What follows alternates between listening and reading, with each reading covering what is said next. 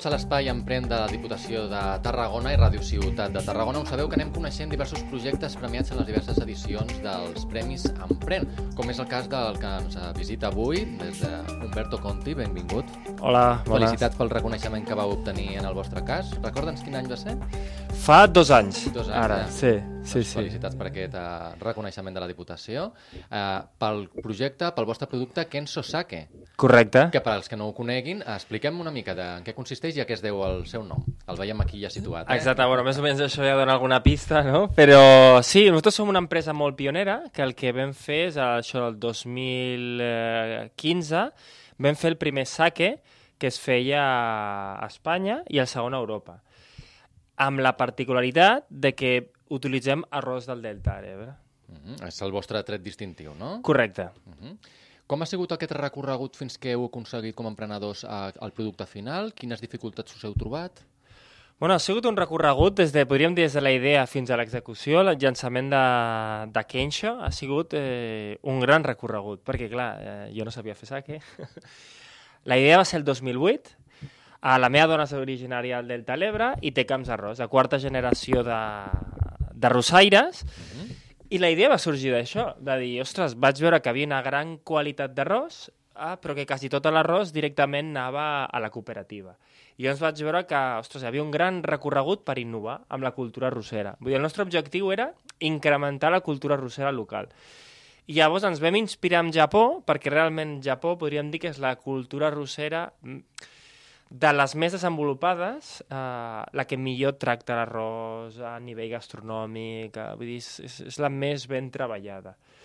Clar, si comparem, per exemple, el Delta es planta arròs, sembla que tota la vida, però bueno, es fa 300 anys, va arribar a 400, i professionalment fa 100 anys. Però si tu compares amb el Japó, fa 2.000 anys. Llavors, bueno, han tingut una miqueta més, més de temps, no? I, I llavors vam tenir la idea, perquè vam anar un dia a un restaurant japonès, ens van treure un bon sake, i llavors va ser com el nostre eureka, no? Va sorprendre i li vaig dir, aquests són els projectes que hauríem de fer al Delta. I llavors em diu la, la, la, la meva dona, que es diu Meritxell, em diu, bueno, pues, eh, si no el fas tu, dubto que, que es faci. I llavors vaig dir, bueno, pues ho intentarem. Aquí tenim el... El, el El resultat. I llavors, bueno, vaig començar a estudiar com fer el sake, vaig fer cursos de, de cervesa artesana, de vi, perquè el procés d'elaboració, el tipus de sake que fem és un vi d'arròs. Uh, llavors era un procés molt similar, fins que vaig veure que tenia un nivell i llavors va haver el 2012 vaig dir, home, si jo he de treure sake al mercat he de veure què pensen els japonesos, he de formar-me, veure quin nivell tinc, i el 2012 me'n vaig anar al Japó. I allà va ser quan pff, vaig tornar al Japó en plan, em vull dedicar a això, uh, ja comencem a, a anar en sèrio, i des del 2012 al 2015, que quan vam sortir al mercat, va ser tres anys de, de bueno, començar a veure on ho feia, començar a fer inversió, a fer estudi de mercat, uh, perquè érem molt conscients que el SAC encara no estava de moda, això és un dels grans problemes, podríem dir, que teníem, però vam veure que si el saque no es feia de proximitat i es feia un bon saque, bona qualitat-preu, eh, el saque ta- costaria molt més que es posés de, de moda. I ens vam, vam decidir ser nosaltres els, eh, els primers. Clar, el sake ja és un producte que, com dèiem, té origen japonès, que comentes que concretament és un vi d'arròs, no? És conegut, per exemple, la crema d'arròs, en aquest cas és un vi d'arròs. Correcte, sí, perquè eh, és que el problema és que sake en japonès vol dir alcohol, i és un terme supergenèric. I llavors els japonesos, ells quan parlen de sake, sempre parlen del seu alcohol, uh -huh. que normalment el seu alcohol és el fermentat de l'arròs, que aquí s'ha traduït com a vi d'arròs. O sigui, la paraula japonesa seria, d'aquest estil de vi d'arròs, seria junmai. Vale? Jo sempre dic, quan explico el sake, dic les paraules que us hem de recordar avui, no? Una és junmai, val? perquè junmai vol dir pur d'arròs. I aquí, com venim de cultura del vi, s'ha traduït com a, com a vi d'arròs.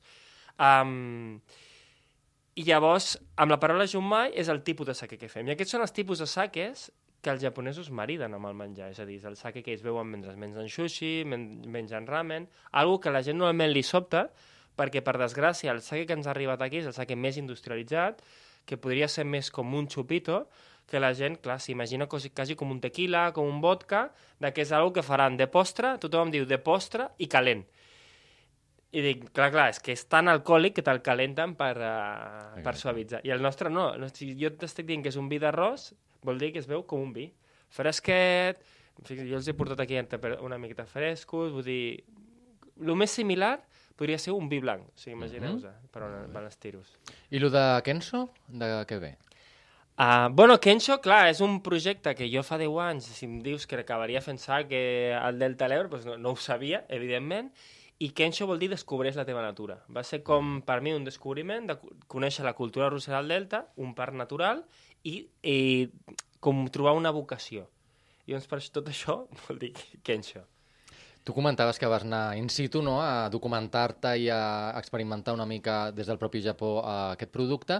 Eh, suposo que haureu tingut l'oportunitat també que el provin allà? Sí, I sí, què sí. tal? Molt bé, molt bé. De fet, tenim... Uh, hi ha restaurants de... O sigui, el nostre mercat és Europa, no és Japó, perquè és com veure, vendre cava a, a França, no? podríem dir. Però sí que hi ha restaurants que ens l'agafen com algo exòtic. Uh, curiosament, al Japó tenim un parell de restaurants a, a Tòquio i ens l'ana i ens el veuen. I, i, I el veuen diferent, que és el nostre objectiu, perquè al final jo si intentés imitar el sake japonès no... és impossible, necessites la mateixa aigua, el mateix arròs, i nosaltres hem volgut fer un sake diferent, i bueno, de fet la Blanca ens han donat un premi internacional, o sigui que, que bé, que... Llavors teniu diferenciat dos, dos tipus de producte? Uh... Sí, ara, ara ja tenim cinc estils de sake. O sigui, avui us he portat un parell que podrien ser els, me... els més venuts. Val? De fet, són els dos primers que hem llançat. Uh -huh. uh, la, la negra és Nigori, que en japonès vol dir turbi, sake turbi. És, I és una miqueta més sabor arròs. Era com els sakes eren antigament. O sigui, és un sake més artesanal, que a qui li agrada saber com era el sake antigament és això.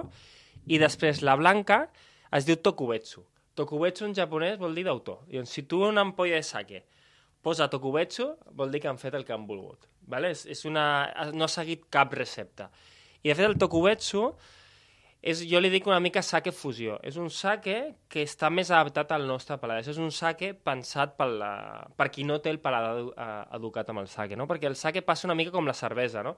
que primer comences les cerveses, després vas tirant potser cerveses més intenses, amb més llúpol, més artesanes, i amb el sac és igual, vull dir, és un gust que, la, que, el, que el vas adquirint. I doncs per això hem decidit fer un saque pel, pel paladar local. No, torna'm a girar per que el, el Sí, veiem. sí, merci. Suposo que també el disseny també té el, el seu, no? El, la diferència del, del, del color, el, el tamany...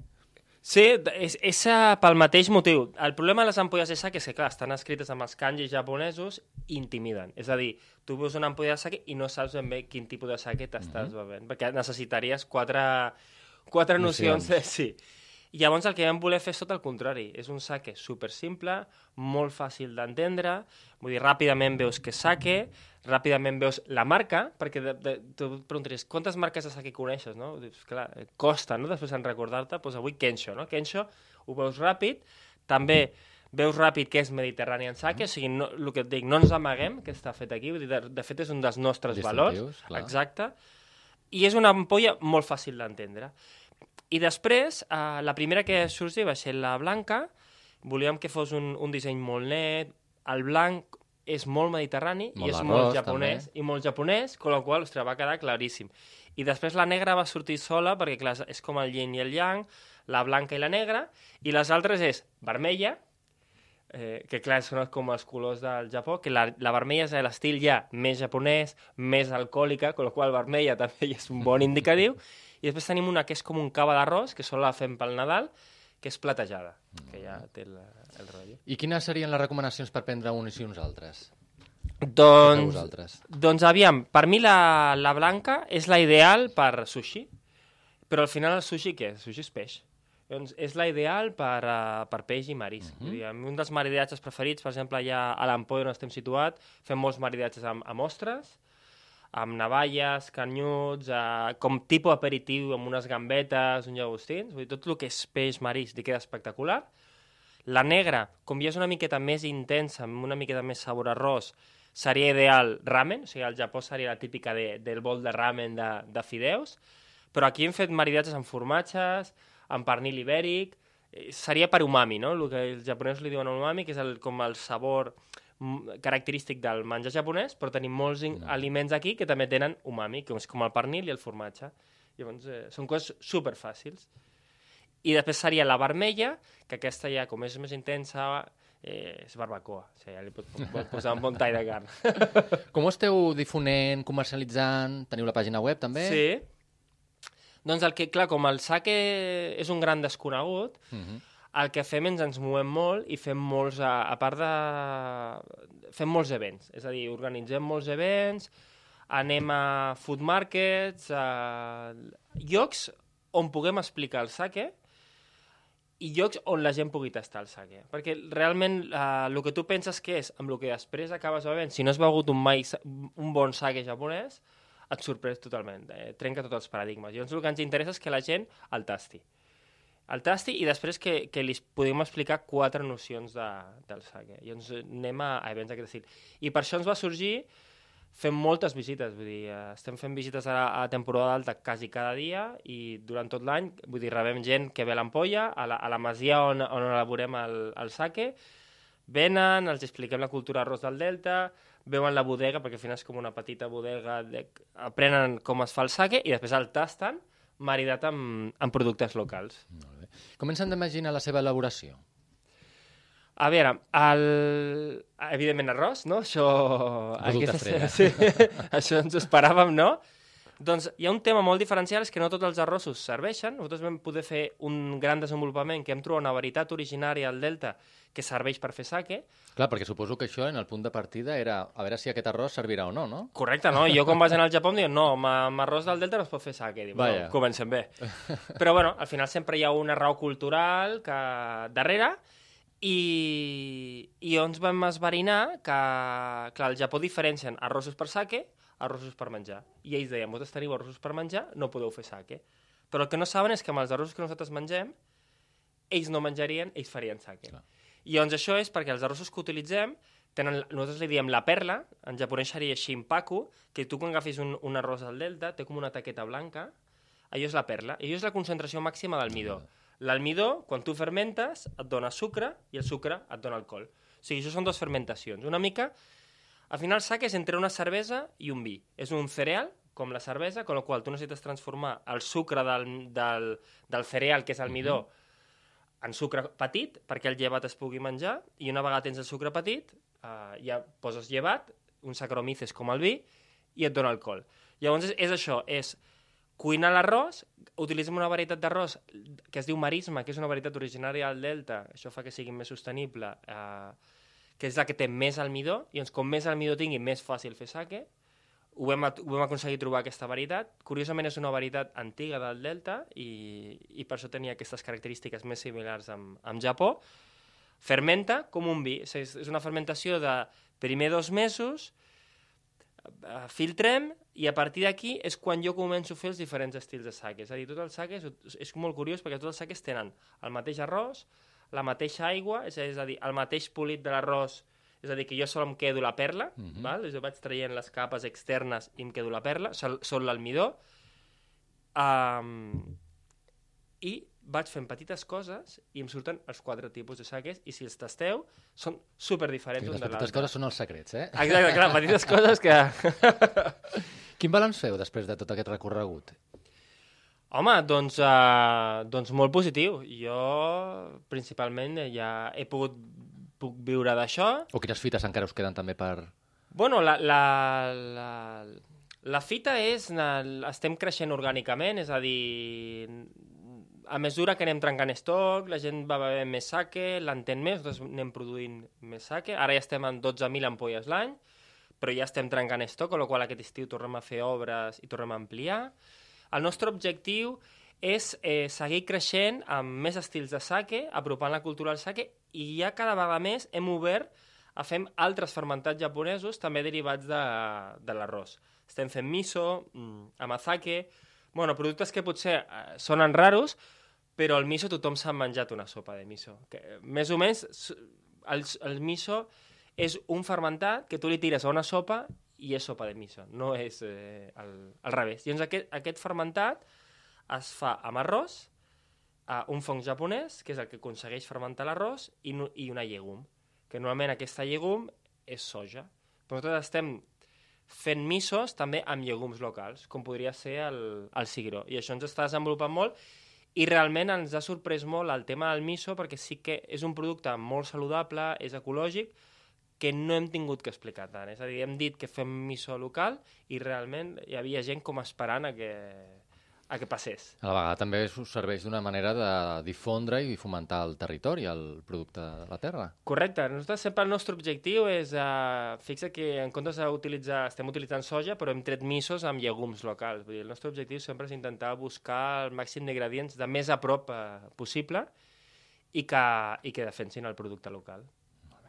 Doncs ara, si us sembla, anem amb un dels consells que ens aporten des del Departament d'Emprenedoria de la Diputació de Tarragona, que en aquesta ocasió és el fer el networking. És especialment rellevant, diuen, pel fet de com ha canviat la forma tradicional de fer negocis i és que al segle actual una de les maneres eh, d'engrossar la llista de contactes i conèixer clients potencials de les empreses passa pel networking. Suposo que per vosaltres això també és fonamental és que... Comentaves sí, sí, és, és, jo sempre dic que a casa no et vindran a comprar. Uh -huh. Llavors tu has de sortir de casa, t'has de moure. Llavors tu has d'anar a, a tot arreu i, i buscar llocs on, on hi hagi un bon networking. Com, com aquell networking eh, sigui més de nicho, és a dir, sigui de, possiblement de gent més afín a, a productes ecològics, afins, per exemple, a gastronomia local, afín a gastronomia asiàtica, de més qualitat serà el networking. Però realment és, és clau fer networking perquè tu necessites sempre uh, ajuda per arribar als clients, per donar a conèixer. Eh, sempre hi ha algú que ha fet un camí similar que et pot donar algun consell. És a dir, que no, no fem, per, per molt que fem sake, eh, no fem coses tan, tan diferents, no? Comentaves que ja el producte té diversos distintius o reconeixements. Un és el que comentàvem dels Premis Emprenc. Què va suposar per vosaltres aquest eh, reconeixement, aquest premi? Home, aquest va ser la bomba, perquè, clar, és quan just estàs començant eh, i va ser com un reconeixement de que anàvem en la bona direcció, no? No portàvem ni un any, vull dir, era acabar de sortir uh, i és, et, et dona publicitat gratuïta, que clar, els problemes al principi és fer-te conèixer, havia un incentiu econòmic, que en el primer, clar, tots són despeses. Eh, sempre ajuda. També que és una miqueta d'aire. Uh, I després és això, és una mica el, que, que algú extern, no?, Uh, s'ho va enviar gent que, que coneix d'empreses, que miri el teu pla de negoci, miri el teu projecte i digui, no, no, té bona pinta, no se ho diguis tu, doncs home, és un plus de... És un incentiu. Exacte, sí, sí. De dir, bueno, bueno, anem bé, anem bé. I ara, abans d'acabar, escoltem a la tècnica responsable del Departament d'Emprenedoria de la Diputació de Tarragona, que com cada programa ens aporta un dels, servei, dels serveis que, que ofereixen. Avui us parlarem de diferents fons de finançament que teniu com a persones emprenedores pels vostres projectes i empreses en aquest cas parlarem del Fòrum d'Inversió CatSud. Els objectius d'aquest eh, fòrum el que persegueixen és eh, acostar les persones emprenedores i els inversors de Camp de Tarragona i Terres de l'Ebre per diferents motius. Uh, sobretot per facilitar l'acostament d'aquests projectes innovadors, viables i amb el potencial de creixement i aquestes persones inversores, uh, facilitar la formació d'aquestes persones que esteu al capdavant dels projectes i empreses per tal de que pugueu obtenir de la millor manera aquesta font de finançament i sobretot el, el context principal és donar a conèixer aquests projectes al territori i aconseguir eh, doncs, que es facin eh, coneguts a les nostres comarques. Doncs gràcies a Elisabet Jiménez per aquest uh, nou servei que ofereixen des del Departament d'Emprenedoria i tots aquells emprenedors poden emprendre nota. I nosaltres també agraïm a Humberto Conti que avui ens hagi portat aquest producte, que ens hagi donat a conèixer més detalls sobre ell i que, bueno, que tingui molt més recorregut aquest, uh, el Kenso, uh, amb el vostre producte que com comentàvem aquest, des de l'arròs del Delta cap a la projecció del món, que tingui molt més recorregut. Moltes gràcies. Bueno, moltes gràcies a vosaltres i a la Diputació per aquest espai tan, tan xulo d'ajudar els emprenedors locals. I a vosaltres també gràcies per la vostra atenció. Ens acomiadem. Fins la propera.